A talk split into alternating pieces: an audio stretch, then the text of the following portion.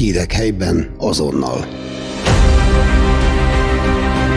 Aktualitások, életmód, közélet, múlt és jelen Fejér megyéből. Feol Podcast.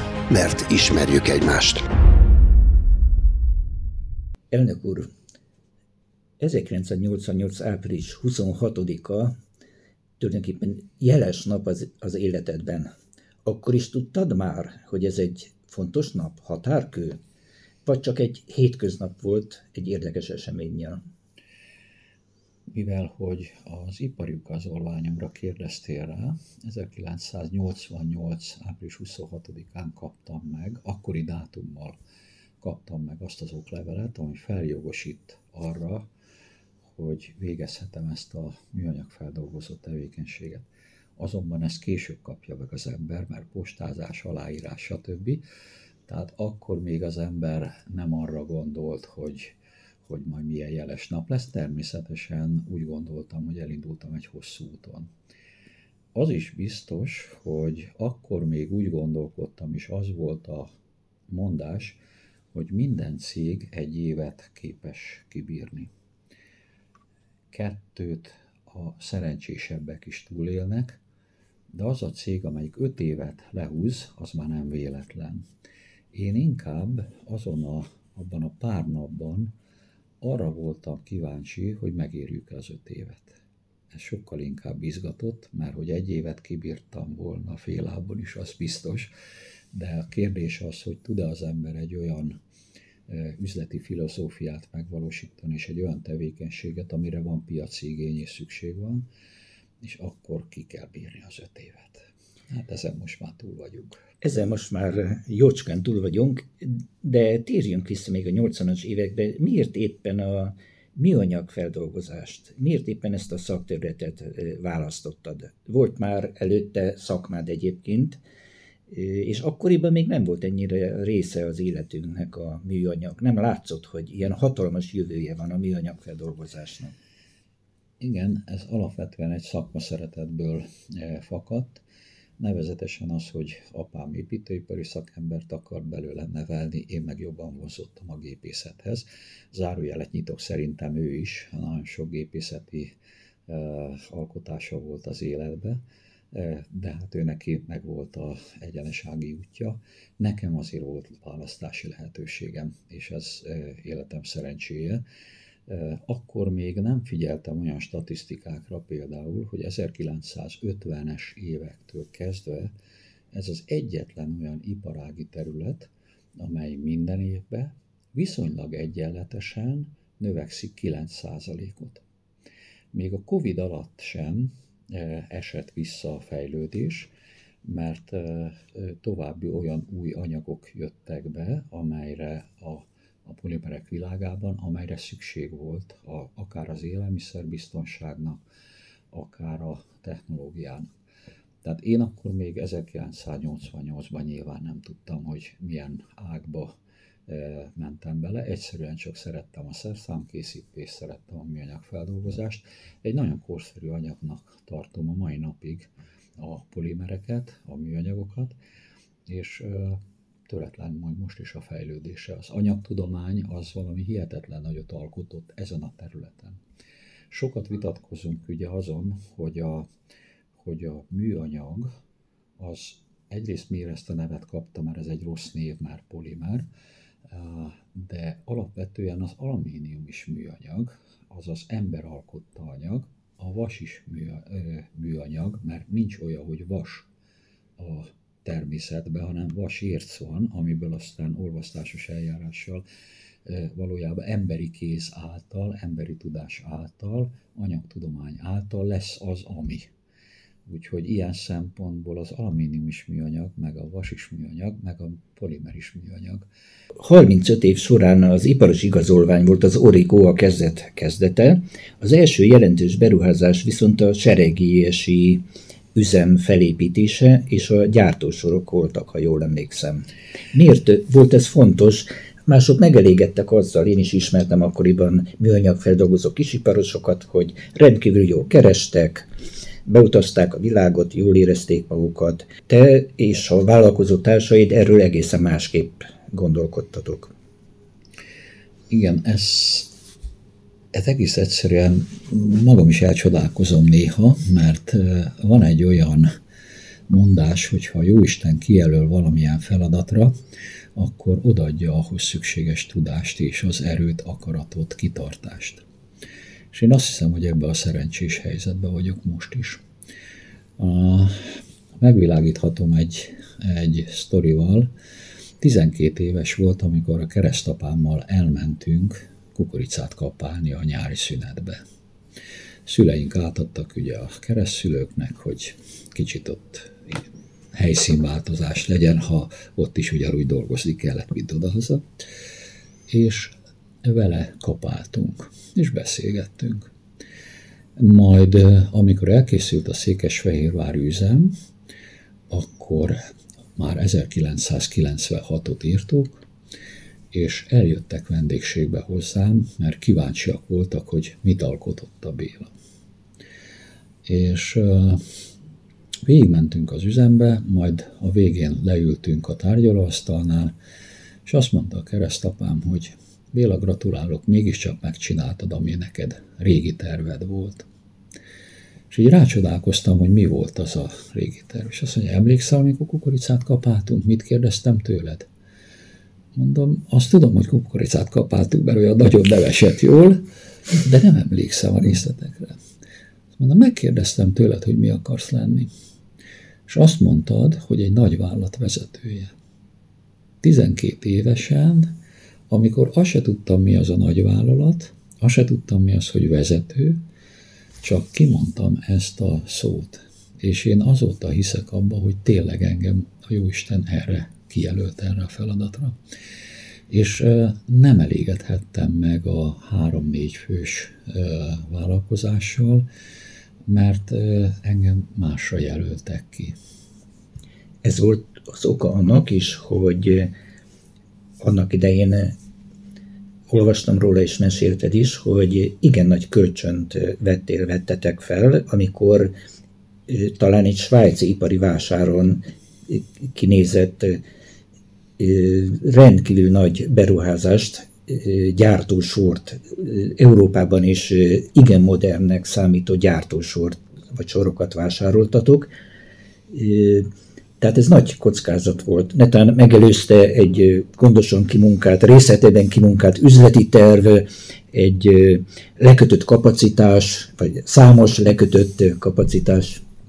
Ez a történet úgy indult, hogy már volt kettő darab házi gyártmányú kisiparos által gyártott fröccsöntőgépünk, és azzal dolgoztunk. Az akkori autóiparnak kárpit patentot, sebességváltó gombokat gyártottunk, és hát szorgalmasan dolgoztunk akkor is, majd jött egy Hungaroplast nevű kiállítás, itt Magyarországon volt, és oda először kiállította a svájci Nestál cég is, és ott vettem meg azt a kiállításon működő gépet, ami akkor 6,2 e, millió forint volt délelőtt, ennek majd lesz jelentősége, hogy miért mondtam, hogy délelőtt, mert megegyeztünk rá, és szintén egy kis kitérő, akkor tájt körülbelül 600 és 800 ezer forint között lehetett vásárolni egy panellakást. Tehát a 6,2 millió forintos gépet így kell nézni, hogy az tényleg egy jelentős kockázat volt, de mégis aláírtuk a szerződést a osztrák gépkereskedővel, majd hazajöttünk nagy elégedetten a kiállításról. Én leültem a sárga Junost televízió elé, akinek mond ez valamit, hogy, hogy az első orosz színes tévék egyike volt. Leültem a tévé elé, és aznap este bejelentették a forint 9%-os leértékelését. És e, így az ember azonnal elgondolkodott, hogy hogy lehet elveszíteni egy pillanat alatt 600 ezer forintot.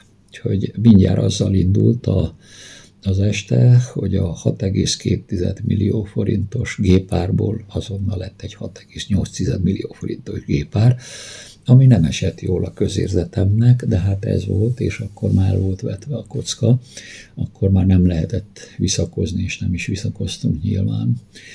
Ami érdekes volt az akkori időszakban, hogy meg kellett tapasztalnom azt is, hogy én egy szintet léptem. Tehát a kisipari gépekből egy profi svájci számítógépezérlésű gépet vettem, amelynek a tudása jóval meghaladta az akkori műanyagiparnak a képességét, tudását és ezáltal azzal a nehézséggel is szembe kellett nézzek, hogy nem volt, aki megtanítson bennünket erre a gépre. Tehát teljesen rá voltam támaszkodva az osztrákokra és a svájciakra, mert akkor még olyan, mint számítógép vezérlésű gép, nem volt az országban sem. Tehát ez volt az első olyan gép, amelyet már a billentyűzeten keresztül lehetett programozni és ez okozott némi nehézséget, fejtörést az akkori életünkbe. Aztán persze kiderült, hogy az egy gép, mint ahogy egy festke sem csinál nyarat, az egy géppel sem tudtunk igazából tovább lépni, komoly nagy munkákat megnyerni. Majd vettünk még egy gépet, és akkor már nagy büszkén mondtam, hogy kettő gépünk van már, és még mindig azt mondták, hogy ez nem elég stabil a gyártásunk, tehát ha van egy meghibásodás, akkor 50% azonnal kiesik. És akkor volt egy olyan pillanat, hogy most vagy veszünk még kettőt, és akkor haladunk, és tudunk nagy munkát elnyerni, vagy, vagy most ö, megragadunk ezen a szinten. És megvettünk még két gépet, és négy géppel, na az már valami volt. Ott már azért, ott már azért a megrendelők is azt mondták, hogy te a világ. De jól értem, hogy amikor megvettétek a második kettő gépet is, tehát volt négy gépetek, akkor még nem volt megrendelés erre, nem volt lekötött kapacitás, vagy egy részletes üzleti terv. Olyan szintű, nagyon sok üzlet volt a csőbe most divatos szóval használva, de, de mindenhol ott volt az a bizonytalanság, hogy nem vagyunk elég stabilak. Tehát nem leszünk elég stabilak.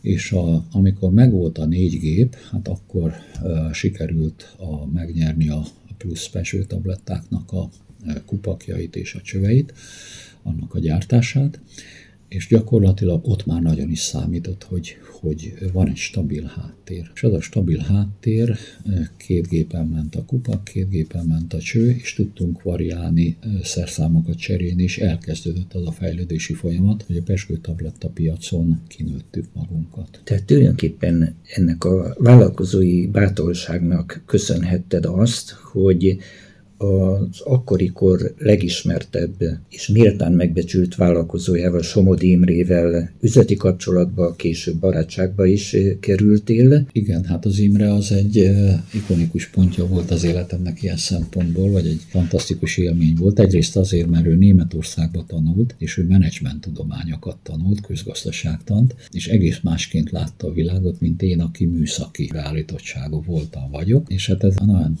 sok jó élmény származik azzal, hogy az első megállapodás hogyan történt közöttünk, hogy a 18 pontos szerződésből 16 pontot nem tudtam elfogadni, és mondtam, hogy ne is kössünk szerződést, és aztán a végén azt mondta, hogy majd üljünk le és egyezzünk meg, és akkor végül is mind a 16 pontot kiigazítottuk, és létrejött a megállapodás, és azt követően gyártottuk a terméket. Igaz, hogy 5 év elteltével úgy gondolta, hogy meg kellene csinálni a konkurenciánkat, tett is rá egy kísérletet, ami sikertelen volt, és hát bevallotta, hogy három nap alatt kellene csodát művelnünk, mert az a cég, akivel meg akart versenyeztetni bennünket, az, az négy hónap alatt nem tudta megcsinálni azt, amit kellett volna, és így ilyen szép kihívások elé állított, és tényleg megcsináltuk három nap alatt egy négyfészkes 124-es csőszerszámot, ez azért ikonikus, mert azért egy forrócsatornás szerszámot akkor megcsinálni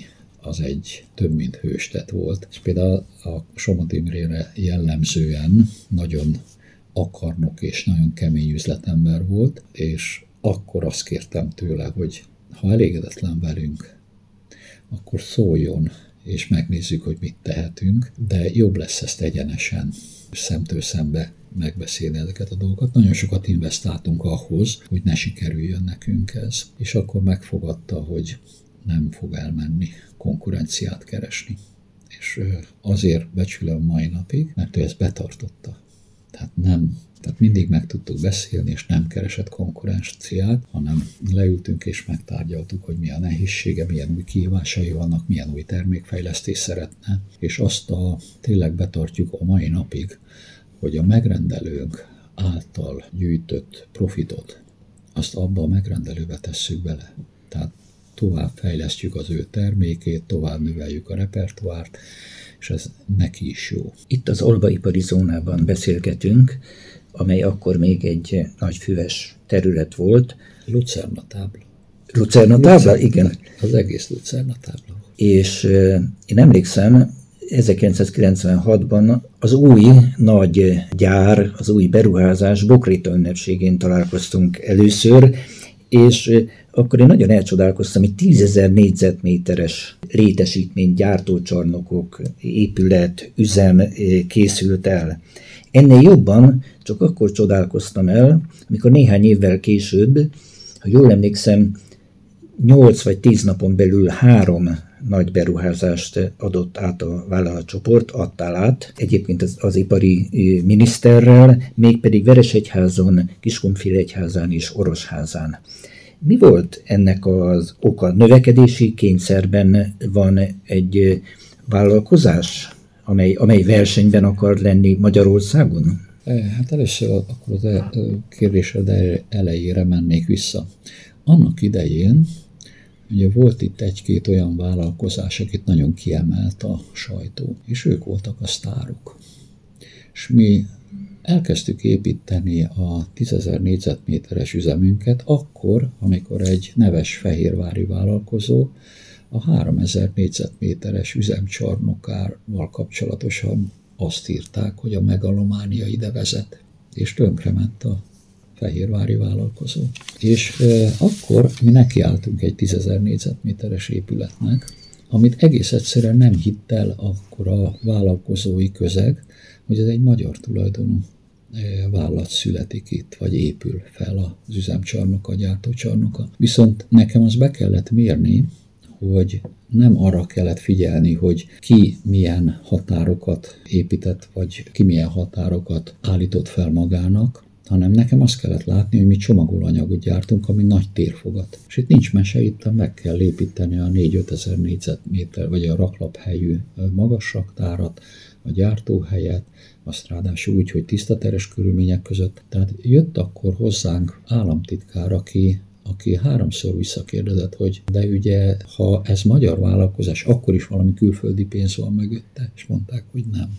Mert éppen akkor külföldi utam voltam, amikor ez államtitkár jött. Tehát tényleg mesébe illő volt, hogy valaki magyarként nyilván egy kétszintű bankrendszer megalkotása után hitelhez jutottak a vállalkozók, és gyakorlatilag volt, aki felmerte venni úgymond ezt a néhány millió forint hitelt azért, hogy legyen ebből egy komoly gyártóbázis. Tehát ilyen szempontból érdekes volt a kezdet, mert még néha én is úgy visszagondolok, hogy nem tudom, hogy hogy volt akkor annyi erő, de valahogy vitt bennünket a piac. Tehát a piaci növekedés meghatározta, hogy nekünk fejlődni kell. Tehát ez egy kényszerpályát adott, ha úgy tetszik, egy szerencsés kényszerpályát. A többi akvizíció az már egy érdekesebb fejezet, mert ugye, ahogy említetted, ott már a rendszerváltás után voltunk, mert ugye mi 88-ba kezdtünk, utána jött a rendszerváltás, és kezdett bont, kibontakozni a vállalkozói lét, és nagyon sok cégnél megalakult az MRP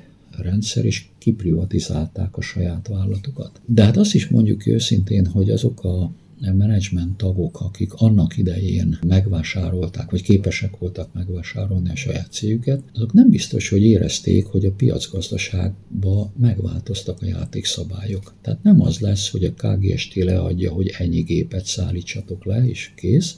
Tehát nem az a marketing jön, nem az a marketing világ, sőt akkor még a marketing szó sem, meg az innováció szó sem volt ismert, és így mi pedig jártuk Ausztriát, Németországot, kísérleteztünk további gyógyszergyárak megnyerésével, tehát egy nagyon dinamikus növekedés piackutatásban voltunk benne, és azok a cégvezetők, akik megvették a cégüket, nagyon érdekes volt, hogy nem láttak benne hosszú távon fantáziát, hanem úgy gondolták, hogy legyünk gazdagok belőle.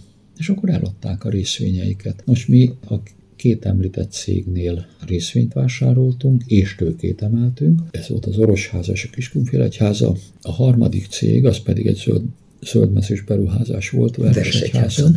Ez kifejezetten a Farmavit mellett, hogy a Next Door Policy című képlettel szolgáljuk ki, hogy minél kevesebb szállítási költséggel tudjuk megoldani a, a árunak a szomszédba való juttatását. Tehát ez volt a cél. Tehát azt is bemértük, hogy ezekkel az akvizíciókkal viszont nagyon sok tudásbázist is nyerünk. Egy vállalatnál soha nem az az érték, hogy milyen vasdarabok vannak ott, mert többnyire ezek az MLP privatizált cégek, ezek nem is voltak műszakilag nagyon jó állapotban. Inkább az a szaktudás, az elhivatottság, ami a dolgozókban volt, és tudtuk, hogy ha, ha nem játsszuk meg a százas égőt, hanem kellő alázattal fordulunk az ő tudásuk felé, akkor ez egy jól működő dolog lesz. Így volt az, hogy a porosházi cégünknek is egy új üzemet építettünk, és új helyre költözött. Kiskunfélegyházán felújítottuk a régi üzemet, és a Veresegyházat pedig felavattuk újként. Na most ez a három üzemnek a átvétele, ha úgy tetszik, és megújulása, ez tényleg egyszerre esett, és akkor felavattuk egymás után az egyik üzemet a másik után, ez tényleg szép időszak volt, és jó szívvel emlékszek én is arra a fejlődésre. Hát kimondani is furcsa, hogy 1997-ben vásároltuk meg az orosházi cégünket, és az már bőven több mint negyed század, és a cégnek az előélete, amikor megvettük, akkor volt 40 éves. Tehát már lassan a mi kezünk alatt utol fogjuk érni azt, amit az alapítók az alatt az idő alatt tettek. Tehát tényleg itt is egy hosszú távú berendezkedés van, de hát a Kumplasz Karsai ZRT, és most már 23. éve van a birtokunkban a részvényeinek a többsége egész pontosan. Sőt, hát a vállalatcsoport most 2023 tavaszán már számos más új cégből is áll. Néhány szóban bemutatnád? Megkérlek, elnök úr. Ha két-három percet lenne, mit emelnél ki? Vannak érdekességek ebben a akvizíciós világban és a zöldmezős világban. Ugye nagyon sok zöldmezős beruházásunk is volt. Tiszajvárosi épület például, ahol ahol nagygépes rendszereket működtetünk, főként autógyártás, autóalkatrészek gyártása zajlik. Ott van a 4000 tonnás gépünk, ami egy hatalmas, nagy testű jószág, de érdekes a pécsi akvizíciónk, ahol egy kínai vállattól hódítottuk vissza, vásároltuk vissza a magyar földön lévő üzemet, és magyar vállat lett belőle. De aminek még nagyon örülök, és nagyon jó döntésnek tartok továbbra is az életemben, és ez sem volt igazából olyan tudatos, amit most eh, például a magyar miniszterelnök közvetít, hogy nem a bajt kell idehozni, hanem a megoldást kell odavinni, ahol baj van. Hát akkor amikor mi kezdtünk, akkor Magyarországon 25% feletti volt a munkanélküliségi ráta, és alapítottunk egy céget Erdélybe. Hát ott sem volt sokkal jobb a helyzet, és nagyon büszkék vagyunk arra, hogy Szentegyházán e, továbbra is ott van az a 45 fős közösség, aki nálunk dolgozik, és 45 család onnan viszi haza a megélhetést, és ott is kialakult egy olyan láb, ami, amivel nagyszerűen tudunk együttműködni, együtt dolgozni, ők is gyógyszeripari, élelmiszeripari csomagolóanyagot gyártanak, és nagyon sikeresek. Összesen hány cégből áll most a vállalatcsoport, és a gyártókapacitást hogyan lehetne érzékeltetni? Gyakorlatilag, hogyha nagyon röviden akarom megfogalmazni, hogy mivel is rendelkezünk, akkor úgy szoktam összefoglalni, kilenc telephelyünk van, több mint 300 különböző műanyagfeldolgozó géppel rendelkezünk, és körülbelül 700 ember dolgozik a cégcsoportnál minden területen. Ez egy stabil működést tesz lehetővé, és annak is örülök még egy számot, ha mutathatom a hallgatóságot. 420 felett van a megrendelőink száma. Tehát nem esne jól egyetlen egy megrendelőt sem elveszíteni, és nagyon ritka az a pillanat, hogy valami történik valami megrendelővel, és elhagy bennünket. Lehet, hogy egy kezemen meg tudnám számolni, hogy hány ilyen sztorink volt az életbe, vagy éppen a másik cég tönkrement, megszűnt, eladták, bármi történetet, de nem sok ilyen történet van. Viszont az a 420-nál több vevő azért ez ad egy stabilitást, kiszámíthatóságot mindenki számára. E cégek között ismert nagyvállalatok, nemzetközi nagyvállalatok is vannak. Néhányat kiemelnél? Melyek a legfontosabb partnerai most a Karzsai vállalatcsoportnak? Hál' Istennek azt tudom mondani, hogy az összes magyar gyógyszergyár az valamilyen formában vevőnk.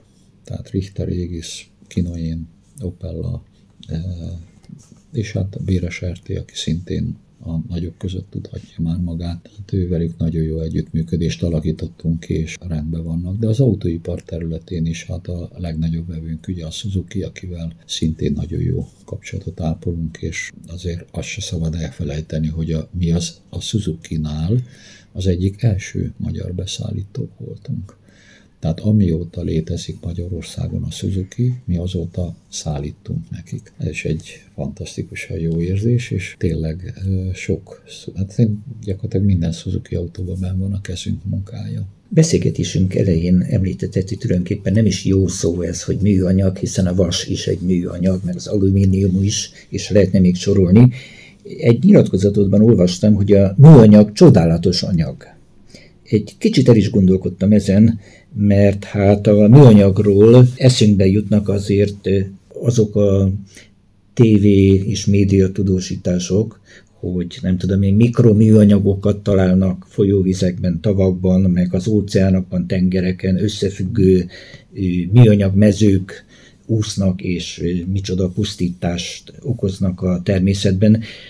Hogyan éled ezt meg, elnök úr, hogy a műanyaghoz ennyi negatív képzet is kapcsolódik, miközben a mindennapi életünknek a része, te pedig erre tetted fel az életedet. Az elmúlt 35 év is ezt bizonyítja. Igen, ez egy fogos ravasz kérdés, hogy a maga a polimer a hibás abba, hogy kint van az út szélén mondjuk egy petpalac formájába, vagy az ember. Én azt gondolom, hogy az ember dobja ki az autóból, nem, nem úgy születik a műanyag palack az út szélén, vagy bármilyen más műanyag alkatrész, amit oda kidobnak. A polimer az egy tényleg egy csodálatos anyag, azért, mert az életminőségünknek az egyik kardinális, legkardinálisabb eleme, meggyőződése.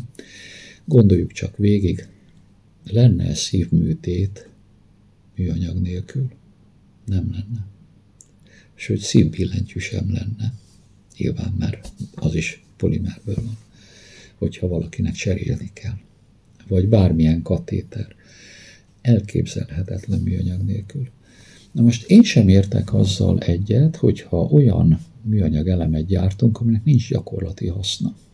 Tehát az egy hibás tervezői felfogás, mondjuk egy banánt becsomagolni ugyanilyen éves részbe. Teljesen fölösleges. A banánnak jó a csomagolása.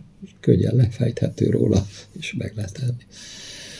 De igazából itt és ezért nem tetszik nekem a műanyag szó, mert azt közvetíti, hogy olyan nem igazi, olyan kidobható, olyan értéktelen, olyan mű.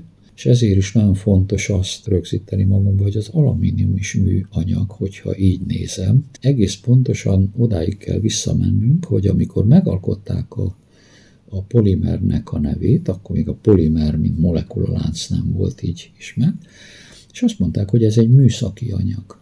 Tehát valahogy meg kell különböztetni a alumíniumtól, acéltól, hát akkor legyen ez egy műszaki anyag. És a műszaki anyagból ugye lerövidítettük, és műanyag lett, és hát a Cigány Tibor tudom csak idézni a műegyetem rektorát, akivel együtt húztuk a súranót még fiatal korunkban, és ő szokta mondani a diákjainak, hogy azért figyeljenek oda, mert a műegyetem ettől még igazi egyetem.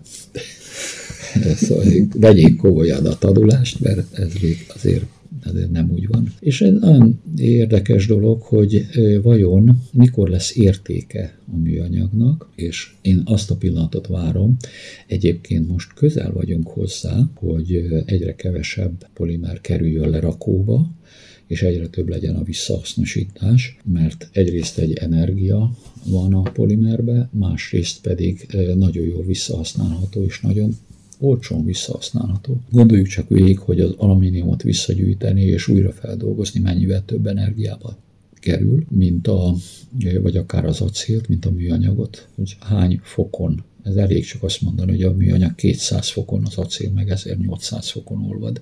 Tehát micsoda különbség az, amit energiába bele kell tenni. Ezért is van az, hogy az a folyamatos növekedés megvan az anyagtudományok okán, mert egyre több helyen szorítja ki a polimer a hagyományos anyagokat. Autóink, hát lenne ilyen kényelmes autónk, hogyha ha csak az ülést nézzük, hogy egy poliuretán hab, amiben ülünk, és kényelmet ad, vagy az egész műszerfal, technológia, kapcsolódás, ezeket nem lehetne más már acélból, meg, meg eh, alumíniumból előállítani. Egész egyszerűen nem lehet. Már azon a régen túl van az anyagtudomány. Még egy nagyon komoly üzenet, ha úgy tetszik a környezetvédőknek. A környezetvédőknek azt is látni kell, hogy ők is autót használnak, és ők is mennek orvoshoz. Tehát használják, és ők is vásárolnak becsomagolt élelmiszert, ami az élelmiszer biztonság miatt nagyon is fontos kérdés. De nagyon sokan tévhitbe vannak, hogy vajon azt a kőolaj mennyiséget, amit mi kibányászunk a föld mélyéből, abból hány százalékból lesz polimer. És egész furcsa számokat hallok. Volt, aki azt mondta, hogy 50 százalékból műanyag lesz. Volt, aki egy kicsit szolidabban azt mondta, hogy 20 százalék, és nagyon meglepődnek, amikor azt mondom, hogy még 20 évvel ezelőtt 3 százalék volt, most már olyan 4 százalék felett van valamivel a kibányászott kőolajból előállított műanyag részarány, és ez még, tehát így is persze sok millió tonna, de ha belegondolunk abba, hogy ebbe vannak rövid ciklusú felhasználású anyagok, lásd egy tejfölös pohár, aminek az életciklus annyi, hogy legyártjuk, megnyomdázzuk, elszállítjuk a tejipari vállalathoz, tejipari vállalat betölti a tejfölt, lezárja és kiteszi az üzletbe, és három-négy nap alatt el kell fogyasztani, mert különben megromlik.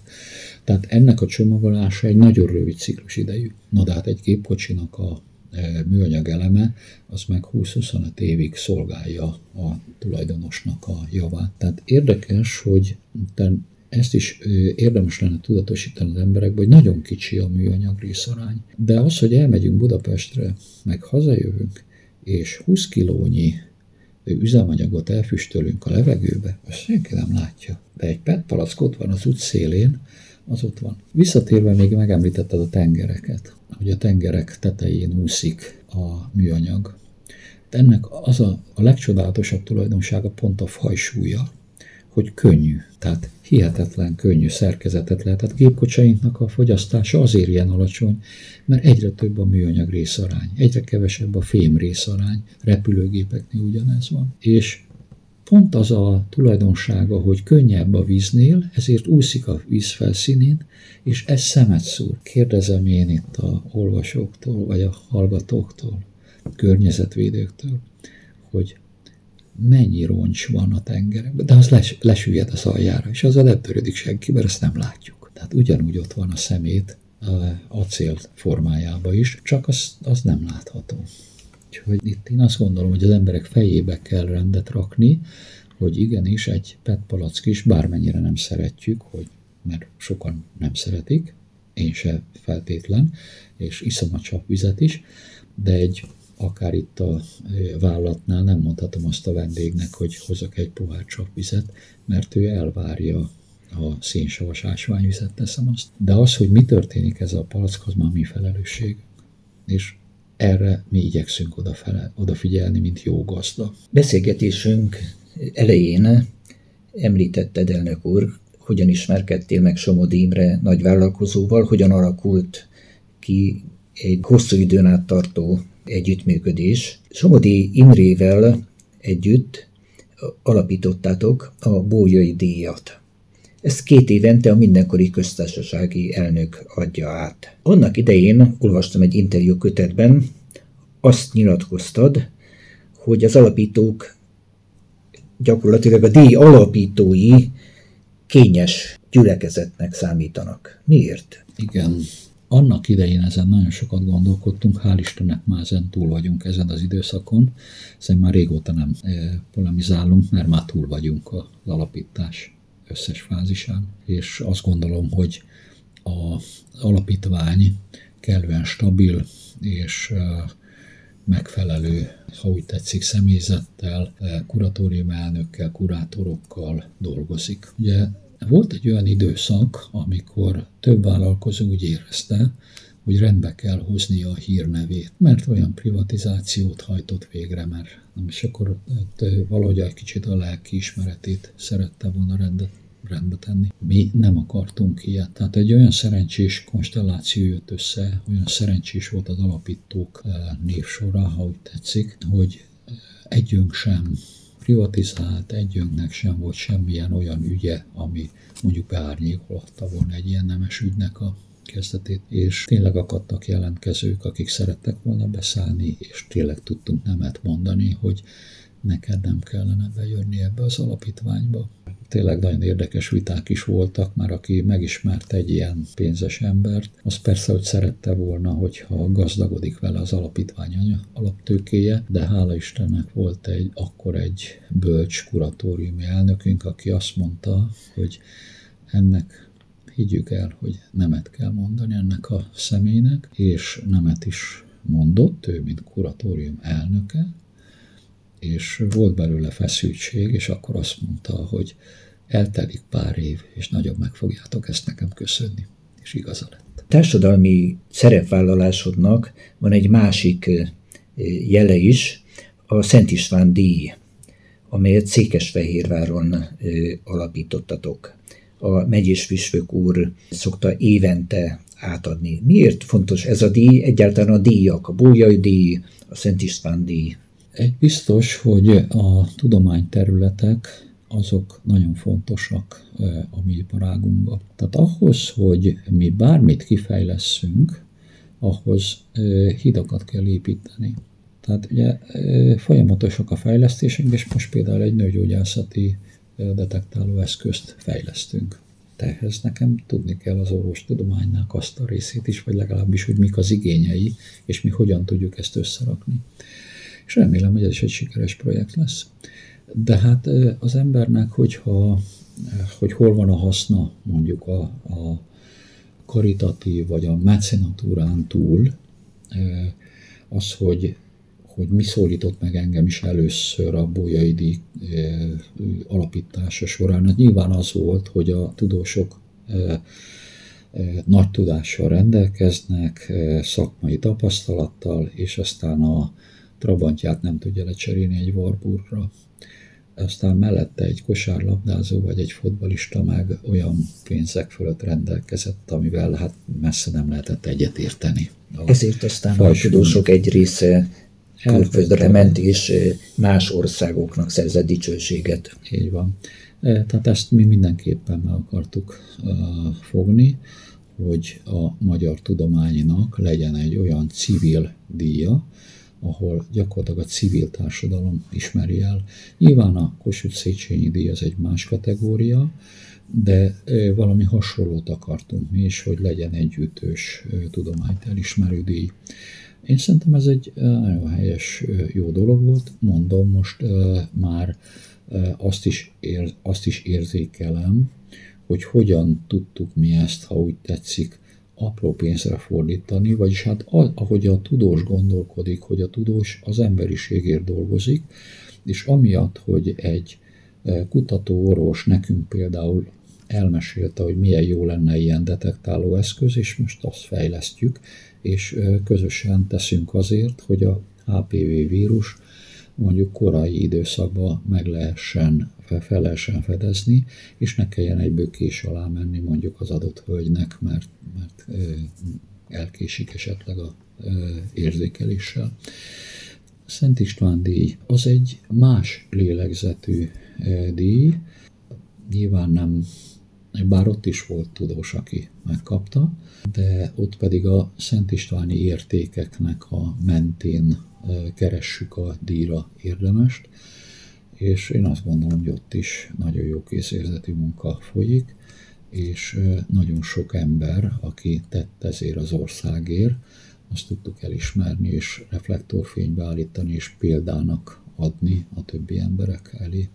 Felépült egy nagy vállalatcsoport az elmúlt három és fél évtizedben, közben azonban számomra úgy tűnik, hogy azt is fontosnak tartod, elnök úr, hogy saját magadat felépítsed. Gondolok arra, hogy építész technikusként kezdted el a vállalkozásodat, talán még a seregélyesi üzem építésekor is építész technikus voltál, ma pedig dr. Karsai Béla a hivatalos neved, a közgazdaságtudomány doktora vagy. Érdekelne, hogy miért volt ennyire fontos számodra, és egyébként mi volt a doktori diszertáció témája? Miért tartottad nem csak azt fontosnak, hogy egyetemet végezzél, hanem még a, a doktori címet is, illetve a mögöttel lévő tudást?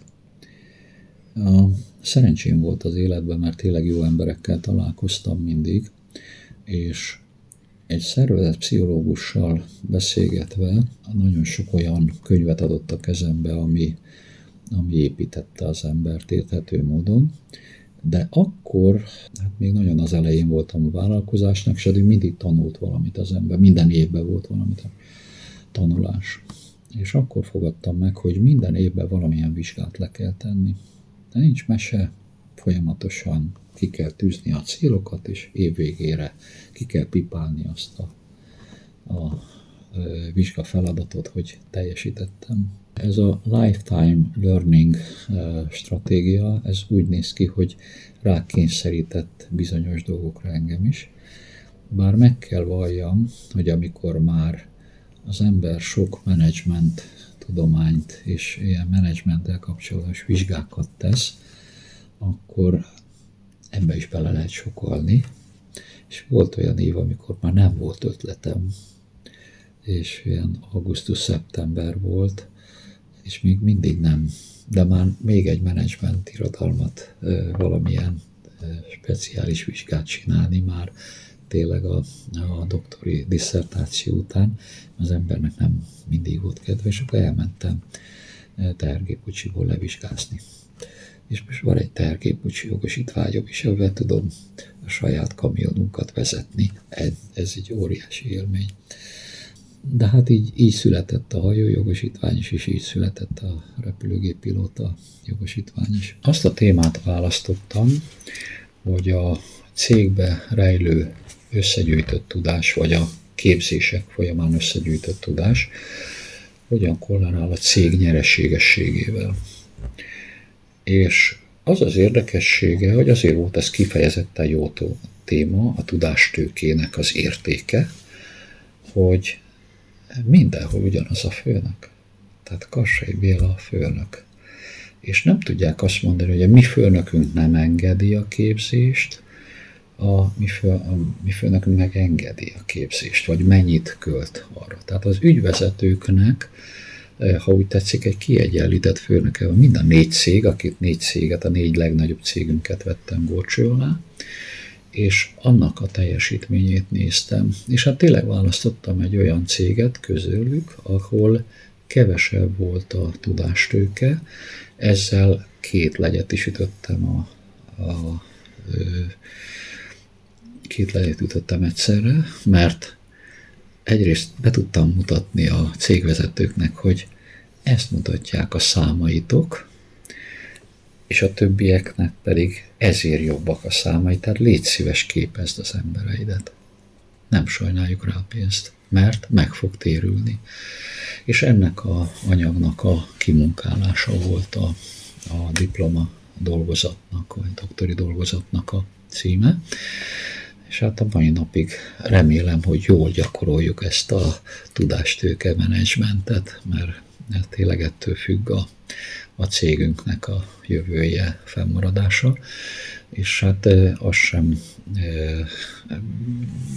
utolsó szempont, hogy azok, akik itt nálam dolgoznak, azok megtalálják a lehetőséget arra, hogy kiteljesedjenek, hogy egyre komolyabb beosztásokba, egyre felelősségteljesebb munkát végezzenek el. Nagyon örülök a most főleg az, hogy alakul egy új generáció, akinek zajlik a részükre történő cég átadás, a különböző posztok átadása. És hát azért is örülök ennek, mert látom a csillogó szemű, majdnem 40-eseket, akik, akik már nagyon is jól csinálják a dolgot, és nagyon is jó ötletekkel jönnek elő, és nem azt nézik, hogy hogy nem lehet megoldani, hanem hogy lehet megoldani. Óriási, ha úgy tetszik, ilyen felismerések vannak a, a fiataloknál, amikor elmondjuk nekik, hogy egyrészt sok ember izzadsága benne van ebbe a cégbe, tehát nem illik tönkre tenni. Kettő, nem az, tehát a ti jövőtök függ attól, hogy hogyan működtetitek a céget. És azt szerintem egyre többen megértik, és nagyon jó közérzettel dolgozunk ezekkel a fiatalokkal. Hírek helyben azonnal. Aktualitások, életmód, közélet, múlt és jelen Fejér megyéből. Feol Podcast. Mert ismerjük egymást.